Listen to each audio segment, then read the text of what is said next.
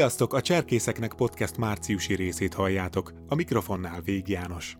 Mai vendégünk Steiger Anita, aki nem más, mint egy cserkész teremtésvédelmi influencer. Szia, Ancsa! Sziasztok! Beszélgető társam ezúttal Tóth Marci lesz. Sziasztok!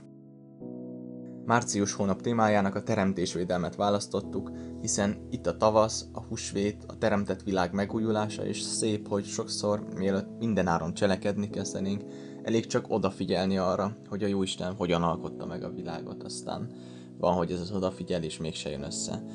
Ancsa, te mindennapjaidban milyen szerepe van a természetnek? Alapvetően nagyon jó érzés, amikor besüt a nap, amikor én is ebből tudok töltekezni, amikor el tudok menni a szabadba kicsit sétálni, tehát ilyen szempontból ott van a mindennapjaimban, de sajnos nem kertes házban lakom, nem egy hegynek a tetején, tehát ezek a részek tulajdonképpen nem jellemzik a mindennapjaimat, de amikor tehetem, akkor kiszabadulok és próbálok töltekezni. Azt hiszem azért sokszor el is kell vonatkoztatnunk a pillanatnyi helyzettől, és ismert a témával kapcsolatban ez a szállóigévé vált mondás, hogy gondolkodj globálisan, cselekedj lokálisan. Mik azok a dolgok szerinted, amikre mindenképp érdemes felhívjuk egymás figyelmét, akkor is, ha mindennapokban nem érzékeljük a bőrünkön. Tehát, hogy haló, attól még, hogy nem esik a savas eső minden nap, mégis jó lenne erről vagy arról beszélni, vagy többet beszélni, tudni, akár a cserkészetünkben is. Ez egy nagyon komplex kérdés, amit most itt feltettél, és, és ugye megpendítetted azt, hogy a cserkészeten belül én azt gondolom, hogy amikor még én voltam nagyon aktív cserkész, akkor azon kívül, hogy takarékoskodj, meg szeresd a természetet, az állatokat, meg a növényeket, igazán nem láttam soha mozertani játékot mondjuk arra, hogy akkor hogyan fogjuk a teremtett világunkat szeretni, vagy mi az, amire figyeljünk oda. És és nagyon sok minden van, amit egyébként megtehetünk a mindennapokban. Ugye, amit te is mondtál ezzel a, ezzel a fajta szállógével, meg azzal kapcsolatban is, hogy apróságok is nagyon sokat segítenek. Tehát nagyon sokszor megkérdőjelezik az emberek azt, hogy igazából számít-e az, hogyha egy valaki valami apró dolgot csinál. De hogyha ezt több millió ember mondja el, akkor nyilván az már nem csak az lesz, hogy egy valaki csinál valami apró dolgot. Az igaz, hogy mi egy szerencsés helyzetben vagyunk itt a Kárpát-medencében, és Magyarországnak azt gondolom, hogy az adottságai ezek nagyon jó olyan szempontból, hogy valószínűleg nem mi fogjuk először érezni, vagy nem mi érezzük először azt, hogy valami nincs rendben a körülöttünk levő világgal. Azzal együtt, hogy azért a hó idén se sokat esett, nem volt fehér karácsonyunk, szóval vannak már tapasztalható. Mégis azt gondolom, hogy ez a fajta felelősség, amivel egymásért vagyunk a világban, a teremtett világban, az tulajdonképpen azzal is kapcsolatos, hogy, hogy még hogyha nem is érezzük a bőrünkön, akkor is megteszünk apróságokat. És mondtad ezt is, hogy mennyire kell felhívni az emberek figyelmét erre vagy sem. Én azt gondolom, hogy nagyon sok minden nem tudnak az emberek. És hogyha magamból indulok ki, akkor én is nagyon sokáig például a kis műanyag zacskóba akkurátusan raktam bele a zöldségeket, gyümölcsöket külön-külön, mert hát mennyire igényes volt az, hogy ezeket külön-külön teszem oda. Mert nem tudtam, hogy ezzel bajt okozok. És azóta, mióta egyre több mindent tudok, azóta nyilván egyre több mindent figyelek, és hát rengeteg példát tudnék mondani, hogy mi az, amiben lehetne változtatni. Ahogy mondtad is, keveset tudunk ezekről a dolgokról, és előtted is sok minden ismeretlen volt.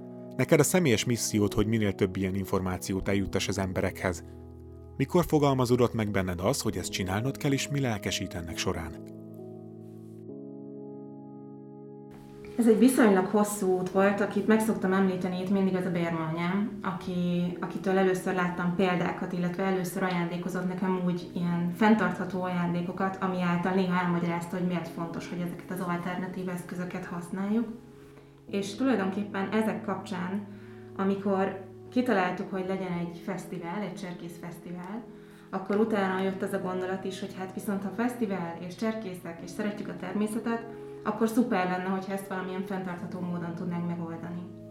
És ekkor következett az a pont, hogy bár én Kumpedinát hallottam már máskor is, és ismertem őt valamennyire előtte is, lejött előadást tartani a Scoutlandre, és nagyon-nagyon meggyőző volt az ő jelensége, és mindaz, amit elmondott, és ez kezdett el abba az irányba elvinni, tulajdonképpen leginkább azok a pontok, hogy mi az, ami egészséges, mi az, ami kevésbé szolgálja az egészségünket, és az egyik ilyen volt például az, hogy a PET palackot, hogyha ott hagyjuk az autóban, és a napsüti, meg egyébként nem is kell hozzá a napsütés, kioldódnak belőle olyan mikroműanyagok, amelyek bejutnak a szervezetünkbe, és ezáltal elég sok gondot okozhatnak, amiről igazából nem is tudunk pontosan, hogy ez hogy meg mint lesz, hiszen ez majd most fog látszódni ennél a felnövekvő generációnál, hogy pontosan később majd milyen hatása is lesz. Szóval először gyakran szokták ezt a fogalmat is használni, hogy ez nem csak természetvédelem, hanem én védelem. És ezzel nagyon egyet tudok érteni, mert tulajdonképpen, ha egy kicsit is önzőek vagyunk, akkor magunknak akarunk jót, a, azt akarjuk, hogy nekünk az a világ, ami körülvesz minket, az jó legyen, és nyilván hosszú távon meg az, hogy majd láthassuk a gyerekeinket, meg az unokáinkat. Tehát igazából ez valahol egy önzőség. Legalábbis az én esetemben azt gondolom, hogy ez volt egy kiváltó ok.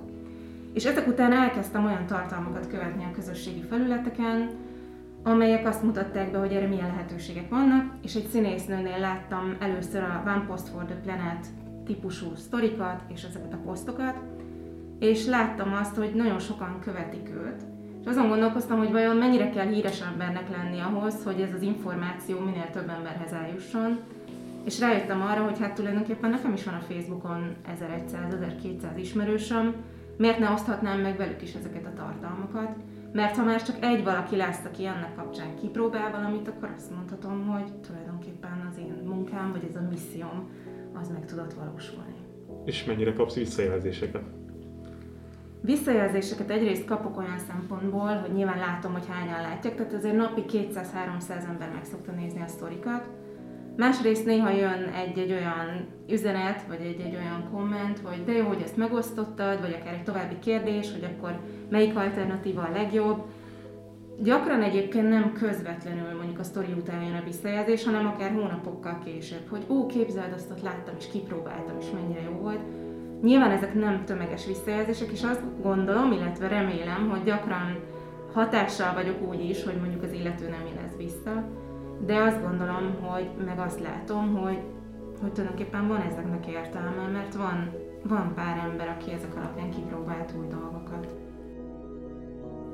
Tervezel ezekkel előre is? Hogy milyen témákat dolgoznál fel, mikre szeretnél kitérni, az elején sokkal könnyebb volt, mert akkor rengeteg mindent tudtam megmutatni. Már volt egy csomó olyan dolog, amit egyébként is csináltam, és tudtam, hogy ez fenntartható. Legyen ilyen például az, hogy a kulacsot használom, vagy nem folyatom a vizet, tehát nyilván voltak olyan dolgok, amelyeket már alapvetően csináltam. Most járok nagyjából a 105. ilyen sztorinál, és most már nagyon nehéz. Mert hogy nekem is egyre magasabb szinten kellene behozni tudatosabb dolgokat, és míg az elején mondjuk napi szinten voltak sztoriaim, addig most már lehet, hogy eltelik egy-két hét.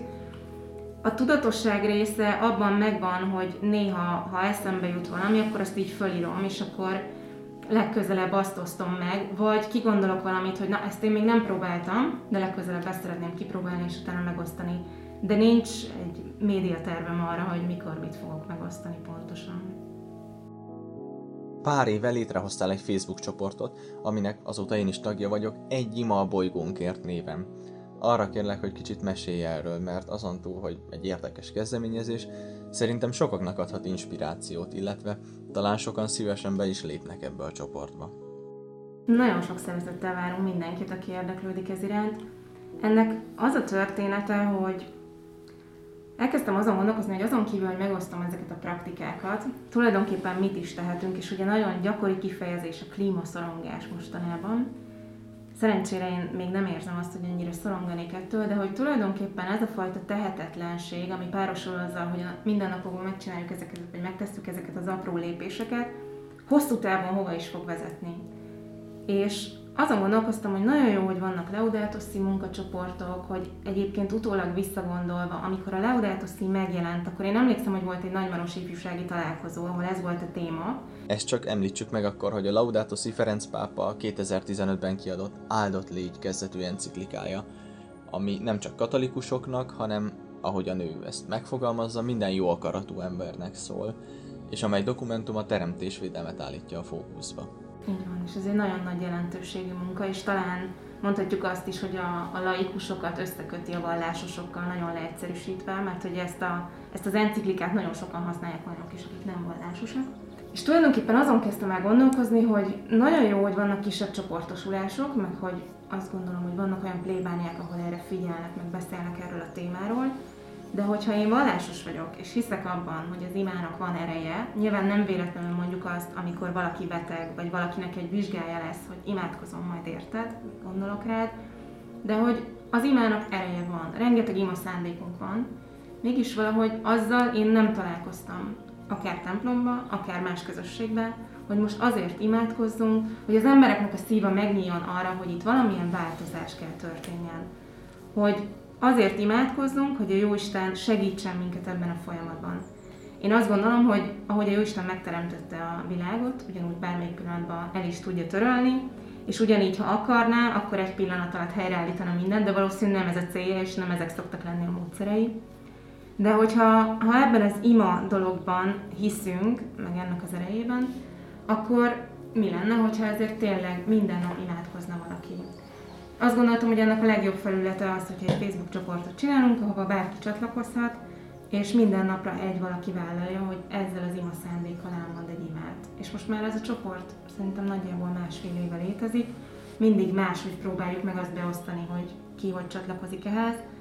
Akik igazán aktív tagok, meg akik imákat írnak és imát vállalnak, azok talán kevesebben vannak, de több mint 300-an vannak ebben a csoportban, és azért többen visszajelezték, hogy követik, imádkoznak velünk együtt, és ha már csak valaki elolvas egy imát, az is tulajdonképpen egyfajta ima. Igen, amikor először hallottam ezt az elnevezést, én is először kicsit meg is rakönyödtem, hogy most miért a bolygónkért imádkozunk. Hát imádkozzunk egymásért, imádkozzunk magunkért inkább. Na de valahol épp az egy ima a bolygónkért névadás az a közösségről szól. És ez a bolygó így megtestesíti az embereknek a közösségét, és minden teremtett lény közösségét, az, hogy felelősséggel tartozunk egymásért. Azt gondolom, hogy a teremtésvédelem egy sokkal tágabb kifejezés, és én azért szeretem nagyon, mert hogy nem csak a bolygóról, nem csak a környezetünkről van szó, hanem pont az, amit te is említettél, az emberekről, az emberek közösségéről, mert hogy mi magunk is teremtett lények vagyunk. És talán ez az, ami a legfontosabb ebben az egészben, hogy egy sokkal holisztikusabb szemléletet ad, nem csak vallásos szempontból. A Magyar Cserkész Szövetség is létrehozta a Zöld munkacsoportját. Ez mikkel foglalkozik pontosan, és mik a kitűzött céljai? A zöld munkacsoport olyan cserkészekből áll, akik elhivatottak abban az irányban, hogy valami változás történjen. Nyilván ez tulajdonképpen nem egy nagy dolog, hiszen alapvetően elég sok ilyen cserkészünk van, de hogy ők aktívan munkálkodnak az irányba, hogy különböző segédanyagokat készítsenek a csapatoknak, ahhoz, hogy ez valóban meg is tudjon valósulni. Nyilván ennek a leglátványosabb formája az az Indabának a megszervezése volt, amin rengeteg szakember volt, tehát nem csak a munkacsoport tagjai segítettek, de azért alapvetően a munkacsoport a háttérben rengeteget hozzátett ehhez a folyamathoz. Amilyen folyamat most leginkább meghatározza a munkacsoportnak a munkáját, az az, hogy segíteni szeretnénk abban, hogy a táborok minél fenntarthatóbbak legyenek. Pont a napokban most összeállt egy lista, amelyben különböző eszközöket lehet beszerezni majd a nepazarojtól, csomagolásmentesen, vagy fenntarthatóan környezetbarát módon. Úgyhogy a munkacsoport nagyon igyekszik abban, hogy valóban a cserkész táboraink és a cserkész programjaink is úgy valósuljanak meg, hogy az hosszú távon a környezet számára is jó legyen. Mert bármennyire is szeretjük a természetet, meg nem szögelünk a fába, meg rengeteg mindenre odafigyelünk, de azért, hogyha beléptek egy GH sátorba, vagy úgy jobban körbenéz mindenki a saját kis portékáján egy cserkésztáborban, rengeteg szemetet termelünk sajnos a táborban is, és természetesen azáltal, hogy kint vagyunk, kevesebb energiát fogyasztunk például valószínű, tehát ilyen szempontból lehet, hogy ez valahol egyensúlyban van, de mégis azért van még hova fejlődni, és a munkacsoport ezen, ezen munkálkodik, hogy ehhez minél több eszközt és lehetőséget adjon. Azon túl, hogy egyébként néha akár online beszélgetés, vagy online, olyan online eseményeket hirdet meg, amihez lehet csatlakozni, vagy például az egyébként a világban levő globális programokhoz, mint például energiatakarékossági programok, ezeket mind-mind Kicsit provokatív kérdés. Van nekünk a törvény hatodik pontja. A cserkész szereti a természetet, jó az állatokhoz és kíméli a növényeket. Ez nem elég? Akkor lenne elég, hogyha mögé gondolnánk. Tehát oké, okay, hogy a cserkész szereti a természetet, de ez mit jelent? Azon kívül, hogy jó ott lenni. Ahhoz, hogy jó lehessen ott lenni, ahhoz viszont tennünk kell, hogy legyen hova kimenni. Jó az állatokhoz. oké, okay, nem bántom egyébként, hogyha szembe jön velem. De mondjuk figyelek-e arra, hogy olyan termékeket vásároljak, amelyek kapcsán nem voltak állatkísérletek? Vagy szereti a növényeket? Például ismerem-e azt, hogy milyen gyógynövényeink vannak, és hogy azokat milyen formában lehet jól felhasználni. Persze nem tépem le őket, meg hasonlók. Tehát azt gondolom, hogy lehet, hogy túlzás, de ha már provokatív volt a kérdés, akkor a válaszban azt mondom, hogy szerintem ilyen kis cserkés szinten vagyunk sokszor ezzel. Tehát oké, okay, nem bántom, nem tépem le, cuki, megsimogatom, kimegyek, szeretem a természetet jót táborozni, de hogy sajnos ennél már sokkal többet kell tennünk. És jó, hogy nem szögelünk a fákba, mint hogy ez is már szóba került, de hogy érdemes átgondolni, vajon kell-e mondjuk annyi fa nekünk abban az adott táborban. Tök jól néznek ki az építményeink, de szükségesek. Nagyon sokszor a minimalizmus az, ami az alapja ennek az egész fenntarthatóságnak, környezetvédelemnek, teremtésvédelemnek, és én azt gondolom, hogy ezekben még nem vagyunk eléggé tudatosak. Tehát önmagában a hatodik törvény, vagy a cserkész törvény hatodik pontja, az elég, csak mögé kell gondolni. A motiváció pedig, ami fenntart, vagy ami bennem él, és ami előrelök, az az, hogy látom, hogy vannak alternatívák, és hiszek abban, hogy ez jó, és van értelme. Én azt gondolom, hogy a hit nélkül, és ez most nem csak a vallásos értelemben, hanem az egész témába vetett hit nélkül, ezt nem lehet csinálni. Ha valaki ezt elkezdi, akkor onnantól kezdve az első lépések nehezek, viszont a többi az, hát nem mondom, hogy szinte magától jön, de hogy sokkal könnyebbek a további lépések. És engem motivál az, hogy látok embereket magam körül, akik beszállnak ebbe a programba, látok jó példákat, van kivel beszélni róla, hogy nem mindig néznek hülyének, hogy érdeklődnek a téma iránt, hogy beszélhetek róla akár itt is, ezek szerint ez fontos, szóval ezek mind-mind motiválnak. Bár nem ez volt a mai beszélgetésnek a fősodra, mégis ide hozzám, hogy tudva levő, hogy a liturgikus szolgálat, azon belül is elsősorban a zene az nagyon fontos neked, mert ez az odatelepedés talán így a Jóisten lábához fontos lehet, amikor megoldásokról, célokról beszélgetünk most, ezért hozom ide is. Ebben a folyamatban, ami hát így nem is folyamat, hanem maga az élet, hogy próbálunk tudatosan a teremtett világban jelen lenni, mint ennek a kertnek a gazdái, ahogy Ferenc pápa így szépen beszél erről, eként élni, akkor ebben mi a szerepe a hitéletünknek? Annak, hogy elmegyünk a templomba, akár hogy ott a gitárjátékoddal szolgálsz.